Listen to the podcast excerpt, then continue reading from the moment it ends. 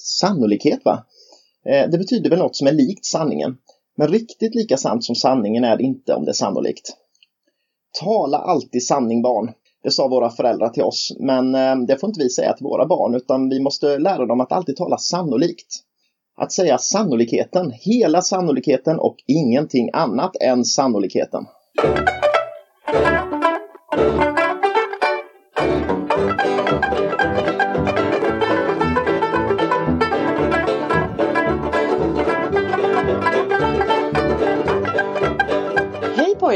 Dags för ett avsnitt av Designpodden igen. Och eh, vad var det för citat du sa där? Ja, det var ju ett eh, litet giganten Tage Danielsson, hans klassiska Mm. Harrisburg-citat där Aha. efter kärnkraftolyckan där. Och vad är det vi hintar med det då, så att säga? Ja, det får vi se här, men det finns en eh, ganska tydlig koppling tycker jag till kvällens eh, ämne. Okej, good. Och vad är kvällens ämne? Kvällens ämne är eh, Musslingestolen. Ja, precis. Och vi som pratar heter Sanna och Andreas Yes. och ni är varmt välkomna till Designpodden. Ja, Musslingestolen, vad, vad, vad är det egentligen för någonting? Alltså jag känner inte att jag vet så faktiskt jättemycket om den. Mer än att, eh, ja, du och jag jobbar ju i auktionsbranschen då. Jag vet om att de går väldigt dyrt på auktion. Ja, precis. Och att Hur- de ser lite, Ja, hur ser de ut egentligen? alltså det är ju något eh, barbapappa över, över dem. Ja, exakt. Eller så här lite, ja men något så här cartoonish. Ja, många säger så här kalankastolen eller någonting. Är så här, Ja, men det har jag faktiskt rätt i. Men, men ordet muslinge, det är... ja, det är danska och står för mussla. Så att Mhm. tanken är ju att själva eh, stommen på stolen ser ut som en öppen, öppen mussla ungefär. Mm, det tycker inte jag. Nej. Men den är Men- ju, ska vi försöka beskriva eller? ja, Nej men den, det är ju svårt, men den är ju liksom så här rundad i sitsen och i ryggen. Och så har den några himla liksom, benen är ju så smala upp till och blir så här rundade och stora ner till. precis. Och det är det man bru- brukar kalla mjölkpallsben. Ja men Eh, ja, Eh, just det. Och ehm, den har ju lite de här formerna som Mm. eh, typiska egentligen eh, skandinaviska 30-talsformer. Där det är mycket organiskt, allting är mjukt och eh, ing, ingenting som är rakt utan det, det finns alltid de här mjuka formerna. Böljande ja. Ja, Mm. ja. Den ser extra rolig ut när den har lurvigt tyg. ja exakt. Det, det är ju vanligt på auktion idag att, att den har fårskinnsklädsel. Mm. Men det är det jag tänker, om, jag, Mm. om jag hör musslingstol, då tänker jag den där vita, lurviga och att det går dyrt på. Ja men exakt och, och fårskinnet är ju en, ett senare Mm. en senare konstruktion skulle jag säga för att eh, alla de gamla man ser på bilder och så de, de har ju eh, vanlig Mm, textilklädsel. Men det här avsnittet så, Ja, ska vi kalla det kontroversen kring musslingestolen? Ja, men, men det är ju lite så. Det är, det är en sån här skum, en lite skum möbel egentligen Mm. på, på auktion. Ehm, just i och med att det finns egentligen väldigt lite information om den. Precis. Eh, och ändå är det en, ett sånt föremål som har en av de dyraste grejerna som har sålts liksom, på auktion som är skandinaviskt. Mm. Men det är liksom ett mysterium. Eller jag känner att jag vet liksom ingenting egentligen. Nej, och det finns ju ändå lite information om den. Mm. Så att vi, vi, ska vi börja lite i eh, liksom när den började dyka upp på auktion Mm, egentligen? jättegärna. Man kan väl säga att det var under 00-talet egentligen någon gång kanske 2005-2006 de, de började dyka upp på små auktioner i Danmark och Sverige. Mm. Och beskrevs som en ja, skandinavisk eh, 40-talsstol, eh, ingen speciell formgivare och kostade ett par tusen ungefär. Mm. Ja. Och det är ju inget fel i sig, va? för att eh, om man bara tittar på stolen, den är lite rolig så. Det ska finnas någon som ger någon tusenlapp sådär för den och har ett, ett, hörn i, i rummet då. Jaha, jo kanske. Eh, eh, sen så hände någonting va? för att intresset för möbler från den här perioden eh, gick upp eh, ganska drastiskt. Mhm. Eh, och så finns det en annan stol eh, som är tillverkad av, eller som är formgiven av eh, Viggo Boesen som är en, en dansk formgivare som eh, det, det, han är inte heller sådär jättekänd men är ett namn som dyker upp och kostar ganska mycket pengar. Eh, han har gjort eh, stolar i rotting, så lite verandamöbel egentligen, som han fick ett pris 1936 i Danmark för eh, av eh, danska alltså, korg, heter det, Korgmakarförbundet eller Mm. något sånt där. De, de gav ett pris till de bästa korgmöblerna. Och det fick han för den. Men två år senare, 1938, ritade han en stol som, som heter Den lilla Petra. Och den påminner väl kanske lite avlägset om Musslingestolen. Men inte liksom. Nej, alltså det, det finns eh, man kan väl säga att det finns några snarlikheter i formen men, men den lilla Petra är tillverkad av A.J. Iversen som är en av Danmarks allra bästa snickarmästare och Mhm. eh, det är extremt hög kvalitet på den. Och även formen på den är extremt mycket bättre. Men den här stolen kostade ju redan då kanske en 100 000 sådär på auktion.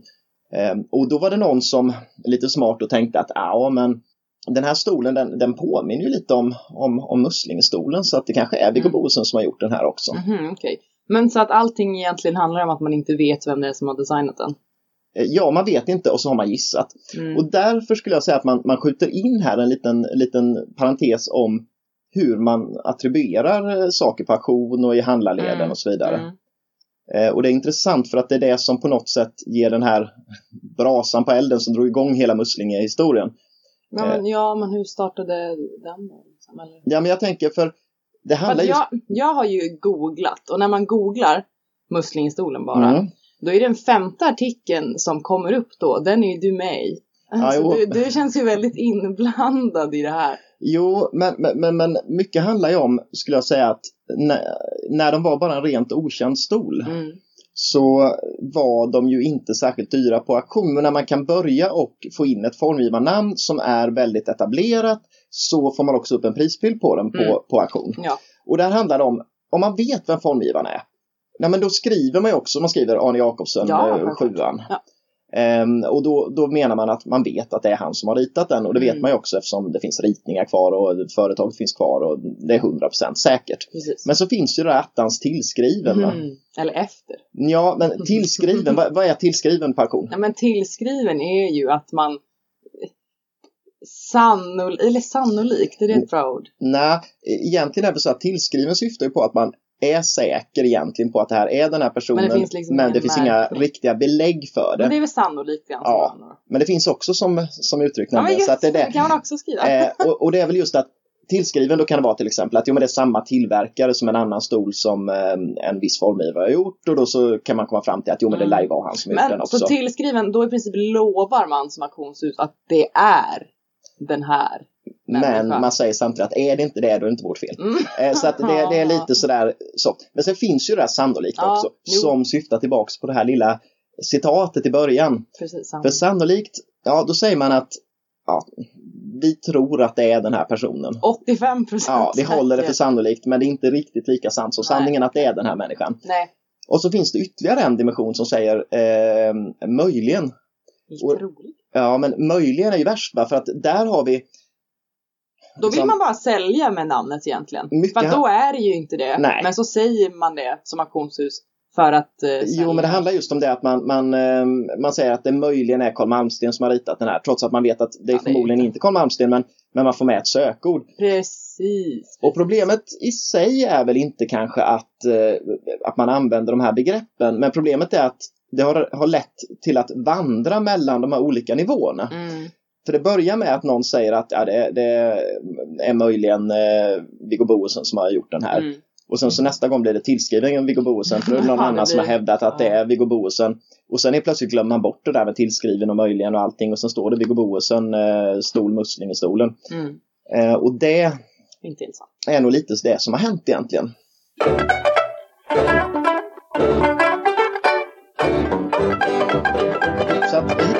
2009 dyker upp en stol på Quittenbaum som är ett stort eh, auktionshus. Eh, och på deras hus i München så dyker upp en muslingstol Mm. där man skriver Viggo Boesen, eh, Muslingestolen. Ja. Och den säljs för helt okej pengar för nu har vi kommit upp en nivå så nu handlar det om 20-30 tusen någonting. Mhm. Och det är väl kanske också lite som startskottet internationellt för den här stolen. Men det slutar ju inte riktigt där va. Utan eh, 2011 så lägger eh, Norska nationalmuseet för konst och arkitektur ut på sin hemsida att Muslingestolen den är tillverkad av Vik och Blindheim i Norge och formgiven av eh, Martin Olsen. Mm, det. Och det här är ett stort museum med stor auktoritet ändå. Eh, Och det gör att eh, auktionshusen och handlarna följer efter det här. Och jag tror att det här berodde mycket på att det dök upp muslingestolar som hade en, en eh, brickmärkning där det stod Vik och Blindheim. Mm. Och eh, ja, då var det plötsligt, oj, då var det inte en norsk eller en dansk stol utan det var en norsk stol Mhm. plötsligt. Och många stolar såldes ju som just eh, Martin Olsson. Just. Men det fanns ju ett problem med det här för de kostade ju mer och mer hela tiden och det blev en sån här designikon men samtidigt visste man egentligen ingenting om det förutom att det var den här Martin Olsson som hade formgivit den. Mm, väldigt konstigt känns det som. Ja, exakt. Och då börjar Brun Rasmussen i det auktionshuset då i, i Danmark börja gräva i det här för de tycker att det här känns väldigt shady, alltså att, Mhm. att man skrivit ut det här. Även att det är Nationalmuseet i Oslo som har hävdat det, så vad, vad bygger de det här på egentligen? Det vill man ju veta. Och det sig att Vik Lindheim de licenstillverkade mycket danska möbler. Mm. Eh, och det är det som har hänt också i det här fallet. Okej. Det visar sig att eh, Vik Lindheim har köpt en licens på Muslingestolen 1953. Mm. Och dessutom så visar det sig att Martin Olsen kan inte ha formgivet Muslingestolen. Vad bra. Vad tror du? jag vet inte, jag vet ingenting. Nej, det, det bisarra i den här historien är att Martin Olsen aldrig funnits. Va? Nej, det, det, det är påhittat bara. Jaha. Grejen är så att Martin Olsen var en, en, en möbelbutik eh, i utkanten av Oslo. Jaha, det är inte ens en snubbe? Nej, nej, nej, nej. utan eh, det har väl funnits någon som har haft Ja, den här ja, butiken. men- Som, men, men Martin Olsen, den butiken, de har aldrig, de har aldrig ritat möbler, de har aldrig tillverkat möbler. Eh, och det där var ett helt så här galet så att man, det har sålts massa extremt dyra stolar både liksom i Skandinavien och Mm. runt om i världen där man har skrivit ut ett formgivarnamn som, ja, den personen existerar inte som formgivare helt enkelt. Problemet här är då att helt plötsligt är man tillbaka på ruta noll. Ja. De är inte ritade för Vik Blindheim i Norge och de är ju då uppenbarligen inte liksom, ritade av den här påhittade, finns. nej, påhittade. Då. Obviously då. Brun Rasmussen gräver vidare i det här Mm, ja, det är ju bra. och de vill ju ta reda på vem är det som har ritat den och de tycker att allting pekar på att stolen ändå är dansk. Mhm. Och det bygger på, på dels det här att, att Vik Lindheim då licenstillverkade mycket eh, danska möbler. Men det är också så att de hittar en del, det finns liksom ingen, ingen referenslitteratur på det eller något sånt, men det finns ju tidningsartiklar att tillgå. Och då hittar de något, det är LP-nytt, en dansk designtidning från 1944. Eh, och det, i den står det om en möbelbutik i Köpenhamn som kallades Ny Form som öppnade just 44. Mhm. Och då finns det en, eh, en liksom bilder ifrån öppningen. Och i den bilden därifrån så Mm. står det en Muslingestol. Oh, really? En variant utan armstöd, men, Mm. men det är ändå Muslingestolen Mm. helt Ja, säkert då. Mm. Och eh, så hittar de också i en svensk tidning, Form, som också är en, en så designtidning, eh, 1947 har de med en bild på en muslingstol Mhm. ifrån ett hem, det är ett hemma hos-reportage hos en dansk formgivare. Okej. Och då är det också så en dansk formgivare som har en muslingstol redan 47. Ja, Men då pekar det Ja. mycket mot Danmark. Allting Den heter ju Muslingestolen. Jo, men precis. Det vet, jag ju, vet man ju inte om den hette på den Nej, tiden nej, men riktigt. det, men det pekar ju Mm. mycket mot Danmark så att säga. Precis. Och sen så kan man säga att det som verkligen börjar leda Brun Rasmussen in på rätt spår är att de hittar en annons för en firma som, eh, som hette Nordisk Stal och eh, Möbelcentral Mhm. som låg i Köpenhamn.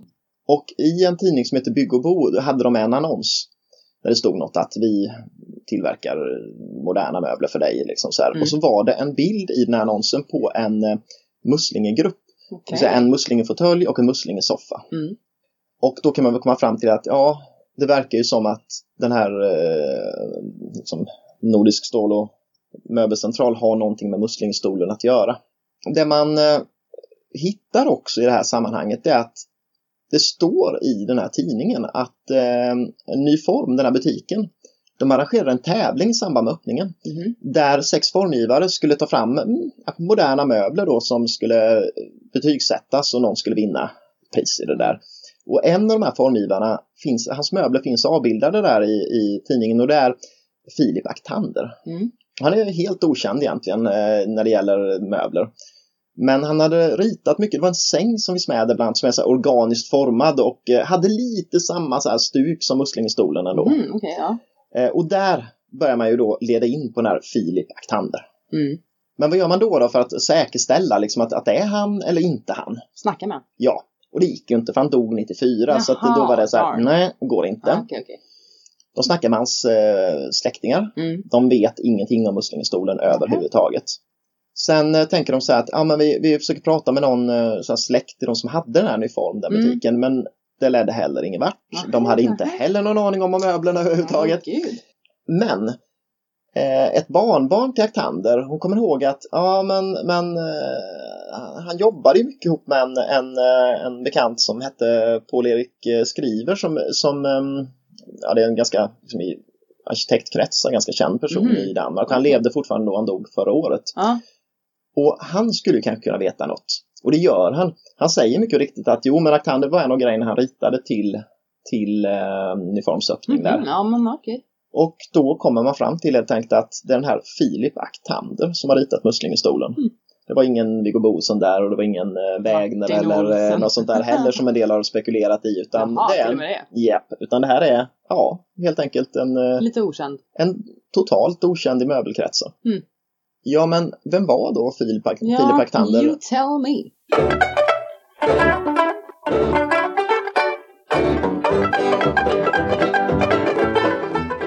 Föddes 1916 Ja. och det finns ganska lite information om hans tidiga liv. Men han, han eh, studerade på konstakademin i Köpenhamn i alla fall mellan 1934 och 1938. Mm. Eh, och han var väl egentligen arkitekt i huvudsak och han eh, fick bland annat innan kriget eh, uppdrag att rita om eh, Valbyhallen i Köpenhamn, en sån här en idrottshall och alla konserter och sånt. Mm. Eh, dock visade det sig väl att det blev ingenting av det där riktigt utan eh, det blev ett omklädningsrum men sen kom kriget och då så Nej. la man ner det där projektet. Men, men han höll på mycket med möbler också, Ja. även att, att det inte är så känt idag. Men eh, 1940 så blir ju en tysk ockupation av, av Danmark. Mm.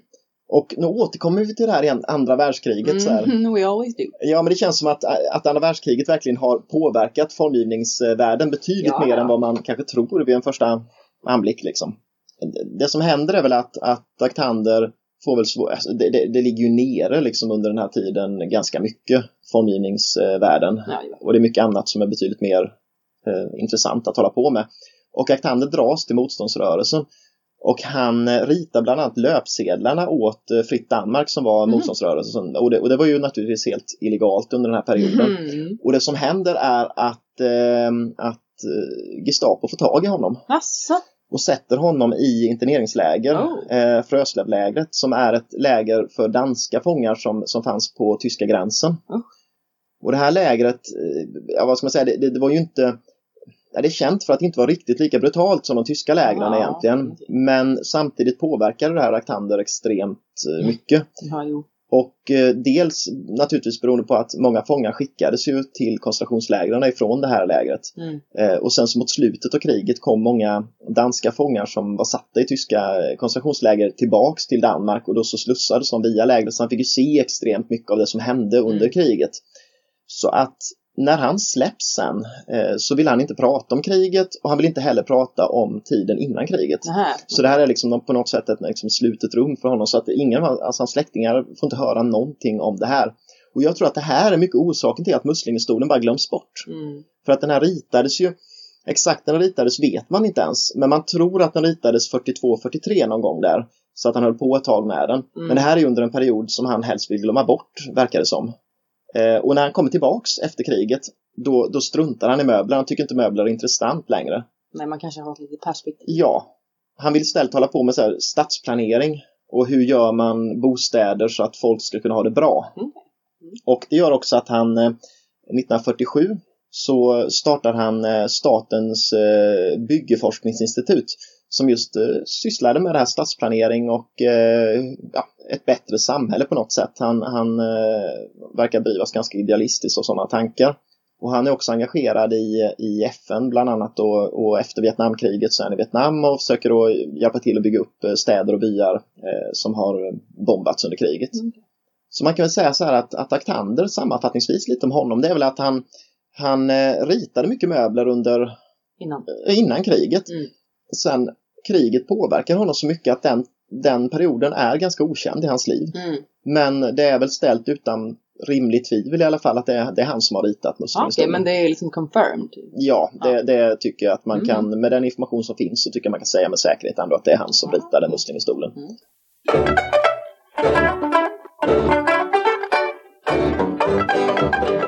Men som vi sa innan, eh, vi jobbar ju på auktionshus och Yes. eh, då har vi sett ganska många Muslimstolar. Ja, Och- du fall. Ja, och, det, och, under den här perioden när de var som mest hypade, alltså, kom Mm, det men när var det då ungefär? Ja, det, det är ju ett par år sedan nu ska jag jag säga. typ såg mycket eh, 2013 när jag Mm. letade efter klubbslag och så. Jag skulle säga att 2013, 2014 var det ju Ja. höga klubbslagen och det var där det dök upp väldigt många. Mm. Och jag tyckte hela tiden att det kändes väldigt konstigt att det finns jättemycket muslimstolar i Sverige. Mm, just det. Eh, Och om det är en dansk stol som har licenstillverkas också i Norge, då är det ju väldigt märkligt att, att man i Sverige ute på landsbygden skulle ha mängder med muslimstolar. Ja, Och det är det just 2013. Mm. Då får vi in två fåtöljer och en soffa. Och eh, jag ska fota dem till auktion. Och kika lite närmare på dem. Och helt plötsligt ser jag en märkning på en av stolarna. Mhm. Och märkningen sitter under armstödet. Och eh, jag kikar lite närmare, svårt att se, men en röd stämpel som sitter. Mhm. Men i, rätt ljus så lyckas jag läsa vad som står och då blev jag ju mäkta förvånad. För då det står var det, inte Arctander? Nej, då står det Sune Johanssons möbelfabrik Nässjö. Nässjö igen? Ja, Nässjö igen. Och i och med att jag är från Nässjö så känns det här eh, Ja, vad, vad, vad tusan, jag har aldrig hört talas om Sune Johanssons Nej, möbelfabrik det. och eh, jag har aldrig sett en muslinstol i närheten av Nässjö heller för den delen när jag var. Okej, okej. Och det här kändes ju extremt konstigt. Så jag började höra mig för lite om någon har hört talas om Sune Johanssons möbelfabrik. Mm. Jag pratade med min, min mormor bland annat eh, som eh, var ju liksom, hon dog förra året men, men hon eh, hade ju varit med under den här perioden Mm. eh, i Nässjö. Visste hon att? Hon kände igen Sune Ah. Johanssons möbelfabrik och sa att var det inte den som låg nere, nere i stan där? Så jag hade ju ingen aning. Nej. Men- Men det gick inte att få fram någon information på nätet om vem som drev den och Mhm. vem den här Sune Johansson var. Så jag kände lite att det enda som finns att göra är egentligen att sätta in en annons i Smålandstidningen som är väl Mm. den lokaltidning som de flesta läser. Eh, och då gjorde jag det. Och dagen efter så ringer Sune Johanssons son. ah, okej. Det är Eh, ju lite... Jo, det var väldigt, väldigt lyckat på det sättet för då kunde jag få lite mer information Mm. om, eh, om Sune Johanssons möbelfabrik. Och den här Sune Johanssons möbelfabrik den låg mycket, mycket riktigt då nere i stan i, i Nässjö på Skolgatan från början. Och eh, öppnade en gång, någon gång på 40-talet, jag vet inte exakt vilket år, men, men ja, på 40-talet. Och eh, Sune Johansson han, han var ju trävaru, han jobbade i trävaruindustrin och eh, de gjorde ju inte klädslar eller något utan det var stommar till stolar de Mm, gjorde. inte liksom hela. Nej, utan de gjorde själva träarbetena. Mm. Sen lämnade stolarna vidare till olika tapetserare i, Okej. i Nässjö och runt om där i, i Småland. Man flyttade efter ett tag upp till, eh, ja om man inte känner till Nässjö är det här fullständigt irrelevant, men, men rondellen uppe vid Statoil kan man säga. Ja, okej. Ja, Nej men man flyttade till större lokaler helt Ah. enkelt. Eh, och eh, hade ungefär 30 anställda. Och eh, den här fabriken finns ju kvar ända fram till 1968. Mhm. Och jag misstänker att många stolar är tillverkade ganska sent faktiskt. Och det sa ju även hans son där, eh, Kim Johansson, att, att eh, han själv har hjälpt till i pappas fabrik. Och eh, i och med att han är född på sent 40-tal liksom, så det, det måste ju vara ganska sent som han hjälpte till att göra Mm. muslingestolar. Ja, ja. Och det var ju betydligt senare då än det här 44 som, som man säger att de första i Danmark tillverkades. Lite roligt är väl just att, att de här stolarna ändå har uppmärksammat Sune Johansson i efterhand för tydligen så han la ner fabriken 68.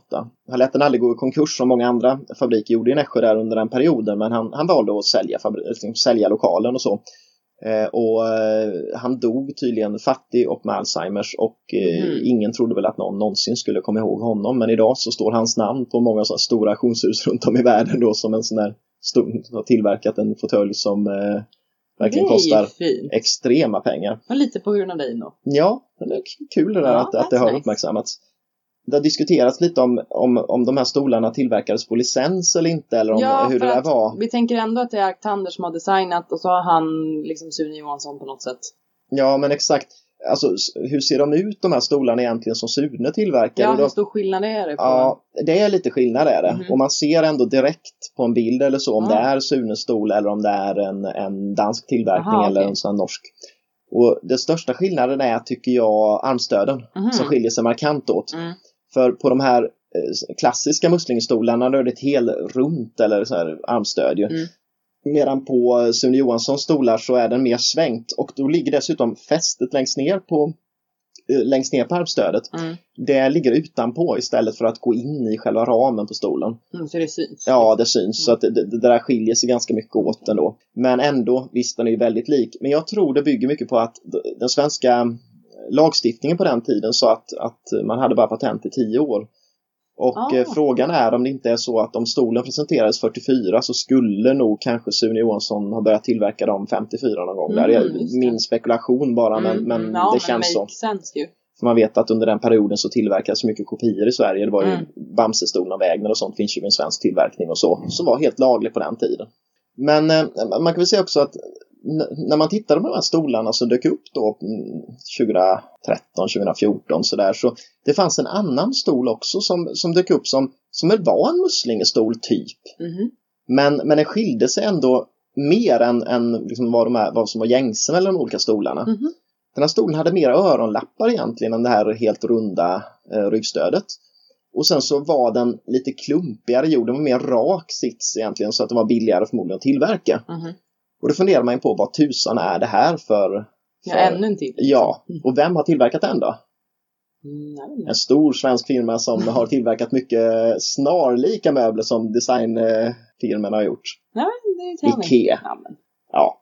Ikea presenterade en, en fåtölj och en soffa som de kallade Åke. Mhm. Och den var ju, ja, en rip-off på, på uh, Muslingestolen men man gjorde om tillräckligt mycket för att det inte skulle vara ja, generande men det var ändå, ja det var illa ändå skulle jag säga. Ja, jag tänka. Och den här presenterades och fanns med i IKEA-katalogerna på 50-talet. Mm. Och eh, man kan väl säga att, att det här är också en stol som har skrivits både som Viggo Boesen och som Martin Olsen och ibland som Filip Aktander. Fast det är Ikea. Fast det är Ikea. Ja.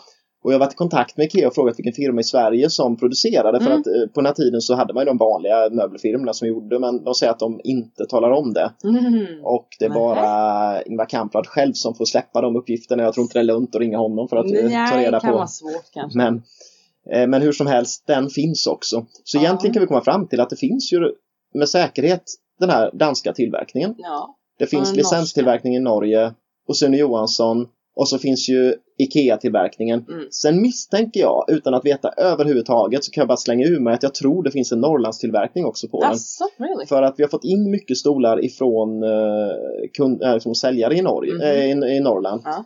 Och, och det tyder på ändå att jag tycker man Särskilt just när de som köpte möbler på 50-60-talet, de köpte ofta ganska lokalt ändå. Mm. Och jag skulle säga att det, någonting säger mig att någon där uppe tillverkar dem också. Så om någon vet, om, om, om någon har haft någon släkting som jobbade på någon fabrik där man tillverkade muslingstolar eller vet något mer så får man ju hemskt gärna höra av sig. Ja, för att det, det vore intressant att få fram mer information om Mm. kanske fler firmor som Ja, har gjort de här ja. stolarna. Jag har aldrig sett någon. Då är ändå från Norrland. Ja. Never Sant, seen sant. one. Nej, och jag tror mycket också, de var ju väldigt impopulära innan de blev populära om man säger. Det, var, Mm. det var ju en stol som inte alls kändes inne, så många kanske hade dem ut på landet möjligtvis liksom i sommarstugan. Men det är ändå då väldigt lätt att se skillnad på när det är en IKEA-tillverkning. Den skiljer sig markant åt. Ja. Och man kan googla bara just på IKEA Åke Mm. så dyker den upp där. Det finns gamla bilder på den och även mm, liksom, sådana som har på auktion idag. Mm. Och de är extremt mycket sämre i tillverkningen. Trots att muslingstolen i sig är ganska crappy Ja, tillverkning exakt. på. Liksom. Så köp inte en Åke svindyrt folk. Nej, och köp inte muslingstolen svindyrt heller. Nej, för helvete.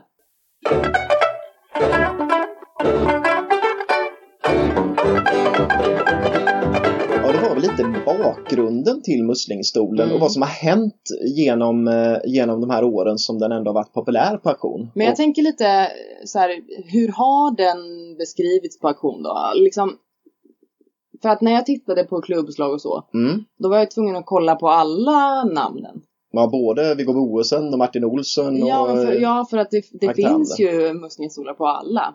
Mm. Så vad, vad skriver man idag, säger vi, om, om man lägger ut den? Ja, idag skriver man, jag skriver tillskriven eh, Filip Aktander bara av den anledningen att just det finns ingen originalritning kvar och det finns ingen Mm. hundraprocentig dokumentation ifrån samtiden som säger att, eh, att det är han.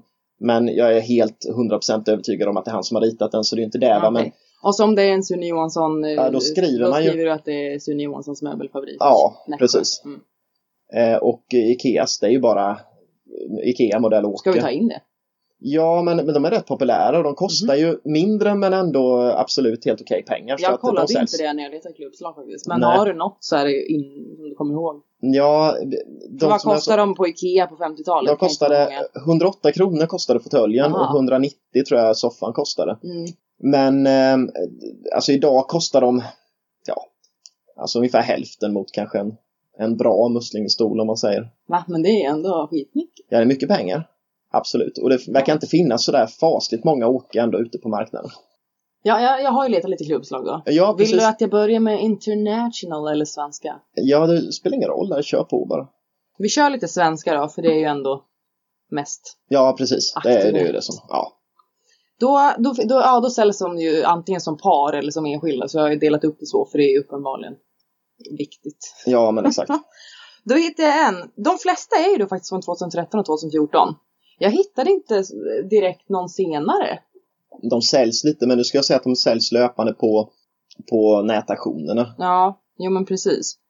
Ett par då i alla fall 2013 Mm. hade utrop eh, 30-40 tusen, vilket ju ändå är, Ja. alltså det är ju mycket pengar Mm. för två fåtöljer. Men de klubbades ju för 580 000 spänn. Mm. Och det är väl också den högsta noteringen i Sverige överhuvudtaget på Precis. muslingestolen. Det kanske var ett antiklimax att börja med den högsta, men det var ju så fascinerande. Och men 30 absolut. till 40, det är ju liksom inte ens i närheten av 580 000 spänn. Och då är den beskriven som Arctander i alla fall. Så det, Mm, ja, det. för jag, jag försökte ju ändå eh, notera Ja, hur de har beskrivit. Sen 2014 var det ett par också. Och då hade de höjt utropet helt plötsligt, för då såg de ju uppenbarligen att det, att det gick bra. Va? Så då var det 80 till 100 000 i utropspris. Men de eh, klubbades för 160, så det var ju aningen närmare och aningen lägre. Ja, precis. Eh, samma år och samma beskrivning så var det också två- 230 000. Alltså det var ett annat par, men det var. Mm. Så det, det, är ju, det är ju störda pengar. Absolut, och även i Sverige på auktion då ja. Mhm. Mm. För en då. Mm. Det, det där var ju bara par. Mm, hittade jag utrop 30 000, det var år 2014.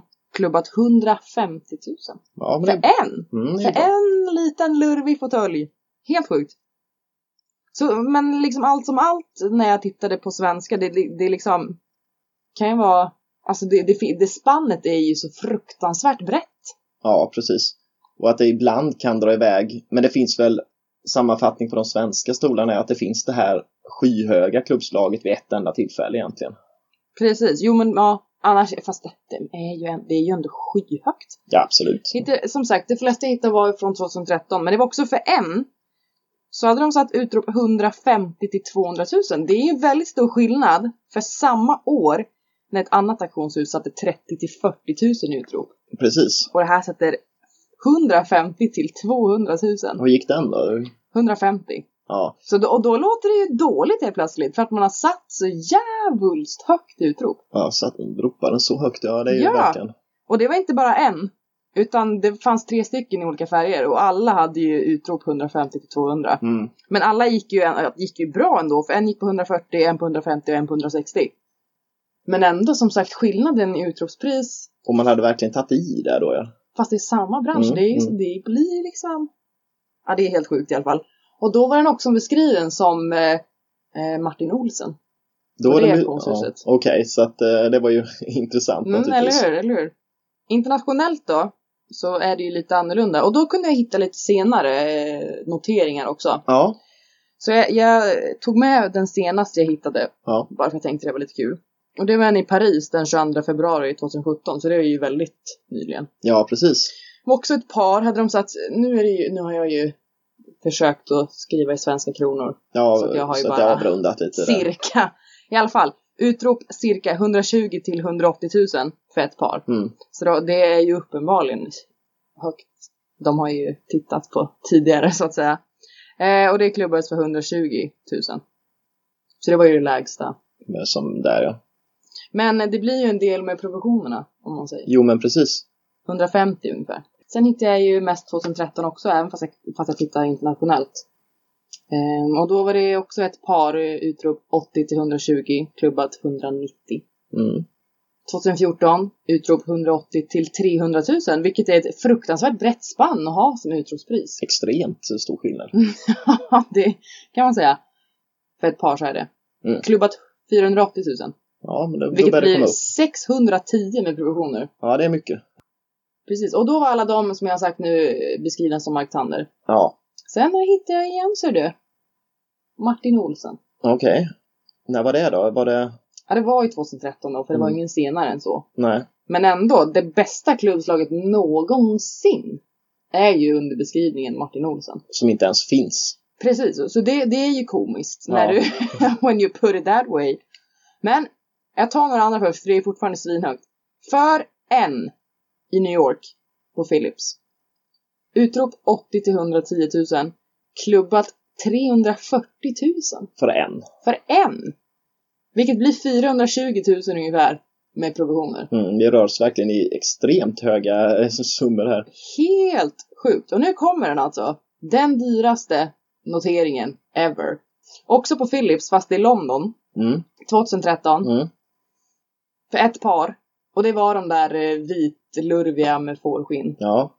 Utropspris 170 till 230 000, vilket också som sagt är så fruktansvärt brett spann. Jo, men det var nog att de kände att det var osäkert. då, Ja, jo, det- jo.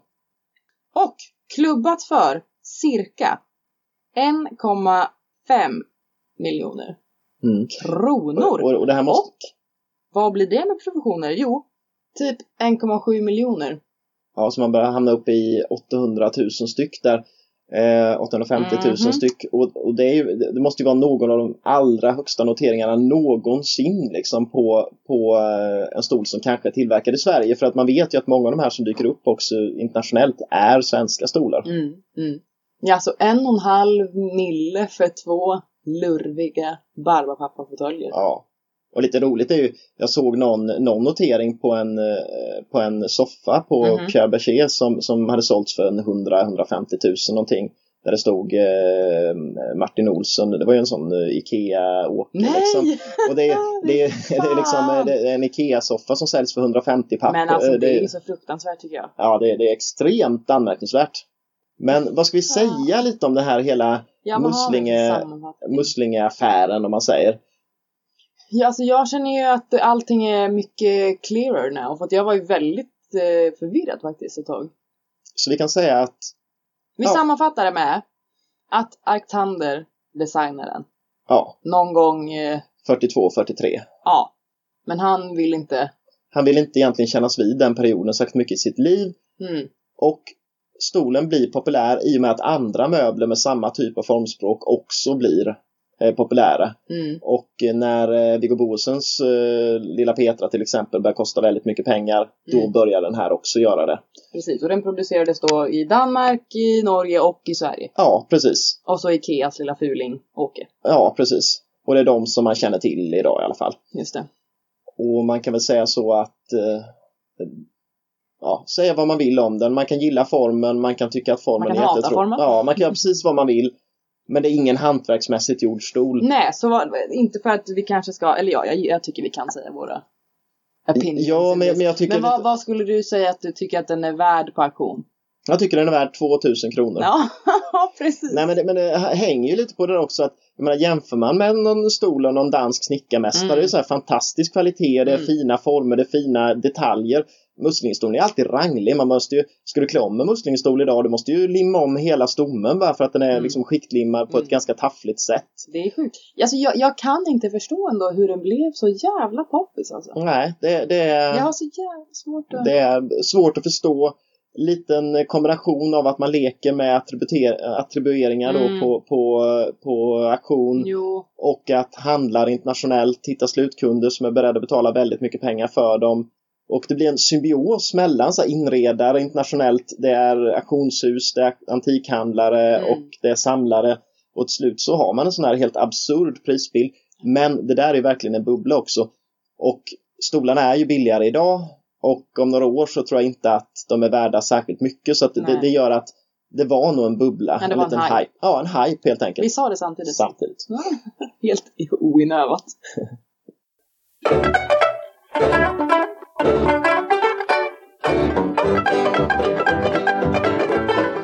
Det är en sammanfattning då. Ja, det är en sammanfattning av Muslingestolen. Och vill Ja, man veta mer om det här, se lite bilder och så, så kommer vi lägga upp det på vårt Instagram-konto. Ja, det, det blir ju lite mer feeling om man vet hur den ser ut.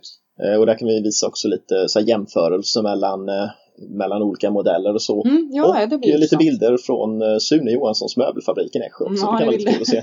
vill du visa upp va? ja, och eh, så kolla in oss där. eh, Det heter eh, Designpodden. Ja, Designpodden helt enkelt. Yes.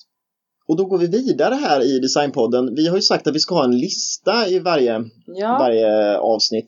Och sen kom vi fram till att det här var lite tjatigt egentligen att ha en lista hela tiden och svårt att komma på bra, bra listor. Så det är ja, så att vi kan ha både en lista eller så kan vi ha kanske ett, ett intressant kort ämne, nerstick på något sätt. ja som- precis. Bara det handlar om någonting annat än det vi har tagit upp i resten av avsnittet. Jo men precis. Och det var ju min tur den här gången och Yes. då valde jag att prata om ett aktuellt ämne Mhm, ja, som, har, kul. eh, som jag tycker är värt att fira i Ja. alla fall och det är domen mot Designers Revolt. Jaha, okej, ja. Och vad var då Designers Revolt egentligen? Ja, Designers Revolt var ju en, en sida på nätet helt enkelt som Mm. sålde kopior av designmöbler. Jaha, men det får man ju uppenbarligen inte. Nej, eh, och de försökte hitta luckor i lagen och eh, de upptäckte att, att den eh, engelska lagstiftningen hade bara en 25-årig upphovsrätt på bruksföremål. Alla liksom. Ja, och dit, dit räknades ju inte konst men däremot möbler. Jaha. Och då ska man utnyttja den här och EU-rätten säger också att man har fri rörelse av, av varor inom EU om det är tillåtet i ett visst EU-land. Mhm. Eh, och det gjorde att man kunde starta en sida och eh, sälja en massa möbelkopior tillverkade i Kina. Men eh, det var äggfåtöljer, det var PO-lampor, mycket flosslampor och sånt då. Men folk gick på det eh, liksom. ja, eh, det gjorde de ju. Men Och fick de verkligen skriva då liksom Mm. Arne Jacobsen ägget? det var det de gjorde. Va? Men de skrev att det var en kopia efter. Jaha, ja. Det Men hoppas jag. eh, man skrev det att det här är ägget och det var ju inte ägget. Det var ju en, en, en jävla en jävla skitfåtölj. ful kopia. Jo, men, men också kass form, kass tillverkning och eh, folk gick väl ändå på det här på något sätt för att okej, en, en ny äggfåtölj idag i det bästa skinnet kostar ju en bit över 100 000 Mm. medan de kunde erbjuda den för 8-10 då. Och mannen bakom det här, eh, han eh, Alltså han, han försökte göra sken av att det här handlar om något att jag ska sprida designen till folket och sånt. Mm, och det var sånt där man ville fint. må illa lite av att man läste hans artiklar liksom för att Mm. det handlar ju bara om, han, han, det var han som startade eh, Ink Club innan. Mhm. Eh, Lennart Nyberg heter han och han han, eh, men han sket väl fullständigt i designmöbler. Ja, han ville utan tjäna han, pengar. han vill tjäna pengar och det spelar ingen roll om det är bläckpatroner eller möbler Nej. han sålde då. Va? Och så försöker han spela lite på det här att jo men det är så dyrt så att eh, låtsades på något sätt att det var en- mänsklig rättighet att köpa en äggfåtölj. Det är det ju inte liksom. Utan, eh, och eh, folk gick på det här gans, i ganska bred utsträckning Mhm. så att det såldes extremt mycket möbler. Och deras upplägg fungerade så att företaget var reggat i England. Mm. Men hemsidan var ju på svenska och man hade distribueringslager i Sverige och 80% av kunderna var svenskar eller från Mm. Norden. Mm. Man omsatte ju extremt mycket pengar på det här. Och många gick ju på det och trodde att de gjorde en bra affär. Men hur kan man... Ja. Ja, men tanken var väl så här, man kände att jo, men jag, jag ger inte det här jättemycket pengar för äggfåtöljen, jag köper den här kopian istället. Det man inte tänkte på var ju givetvis att man hamnar själv i en jäkligt konstig sits. För även om vi nu låtsas att äggfåtöljen är laglig i, i, och med att den säljs ifrån England. Mm. Nu har du den helt plötsligt, men vad gör du med den själv om du tröttnar på den? För den är olaglig att sälja i Sverige. Nej, just det. Just det. Eh, och många tror jag inte fattar att man gjorde sig skyldig till ett, ett lagbrott om Mm. man la ut den på Blocket eller om man eh, sålde den till en kompis. Nej, det- blir ju klurigt ja. Att ägaren har den i huset, ja jo men det kan man ha. Mm. Men, men eh, ger du bort den mot en motprestation, liksom du byter den mot något eller så, då är det också lagbrott och då är det dagsböter. Just det. Så att många har, sitter ju nu på, på designmöbler hemma som de i bästa fall kan slänga gratis, i värsta fall får de ju så källsortera mot så här elavfall och sånt där. Det blir ganska Mhm. dyrt. Jaha, men vad, vad händer liksom med det här då? Jo, men eh, naturligtvis var ju inte till exempel Fritz Hansel, Karl Hansen och de här stora firmorna, de var ju Ja, inte nöjda över det här. Så att man började samla ihop eh, till en eh, stämning mot dem. Mhm. Och det blev ett rättsfall i år. Eller ja, förra året, eh, 2016. 2016. Ja. Mm. Eh, Domstolen gick helt på åklagarens linje här.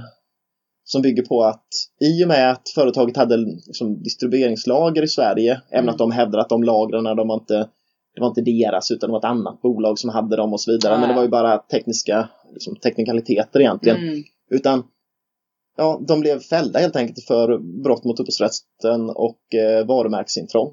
Mm. Och det var ett extremt hårt straff. Eh, han, Lennart Nyberg, som eh, ägde bolaget Mm. och en anställd fick ett och ett halvt års fängelse var. Och de fick böter på 50 miljoner kronor. Till, Så att eh, till bland annat då till Karl Hansen fast, och ja, det, alltså till var, de här. det var spridda Ja, pengar. och det de fick inte- dessutom betala hela rättegångskostnaderna. Ja, jävlar. Eh, De, nu i efterhand så gråter de lite och säger att jo men vi, vi fick ju inte näringsförbud i alla fall så att de tyckte inte vi var helt fel. Men i praktiken handlar det bara om att det är ett brott som är begått i ett annat land, liksom Ja. ett bolag som är registrerat utomlands så då kan man inte ge näringsförbud i Sverige på det. Men God. eh, det var en väldigt bra dag när det här eh, det domen föll. Jo men det bygger mycket på att Alltså man förstår kanske inte, visst man kan tycka att det är bra att kunna köpa den här möbeln billigt men Nej, det. Alltså dels drabbas ju köparen av det Mm. rent praktiskt i och med att du har en olaglig grej hemma som du inte kan sälja sen. Mm. Och sen dessutom så är det ju Visst, det, kanske inte är jättetråkigt för Arne Jacobsen att, för han är död så länge så att, att hans stolar kopieras är inte ett så stort problem.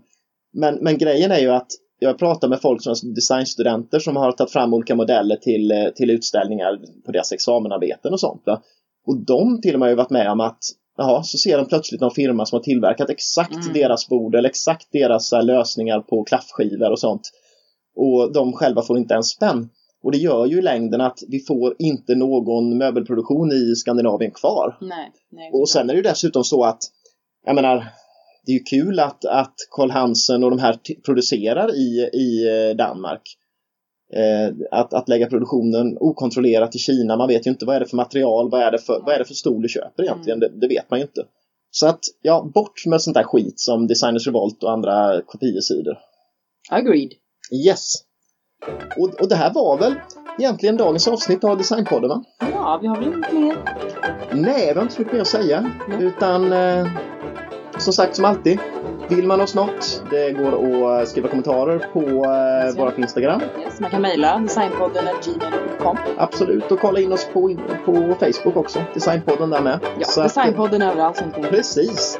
Och eh, ja, annars så ses vi nästa vecka igen och då är det ett annat intressant ämne. Vi ska inte säga vad va? Nej, Nej. som vanligt, vi säger ingenting om det. Yes, men ha det så bra allihopa så länge så ses vi ja. nästa vecka. Hej, hej. Ja, hej då!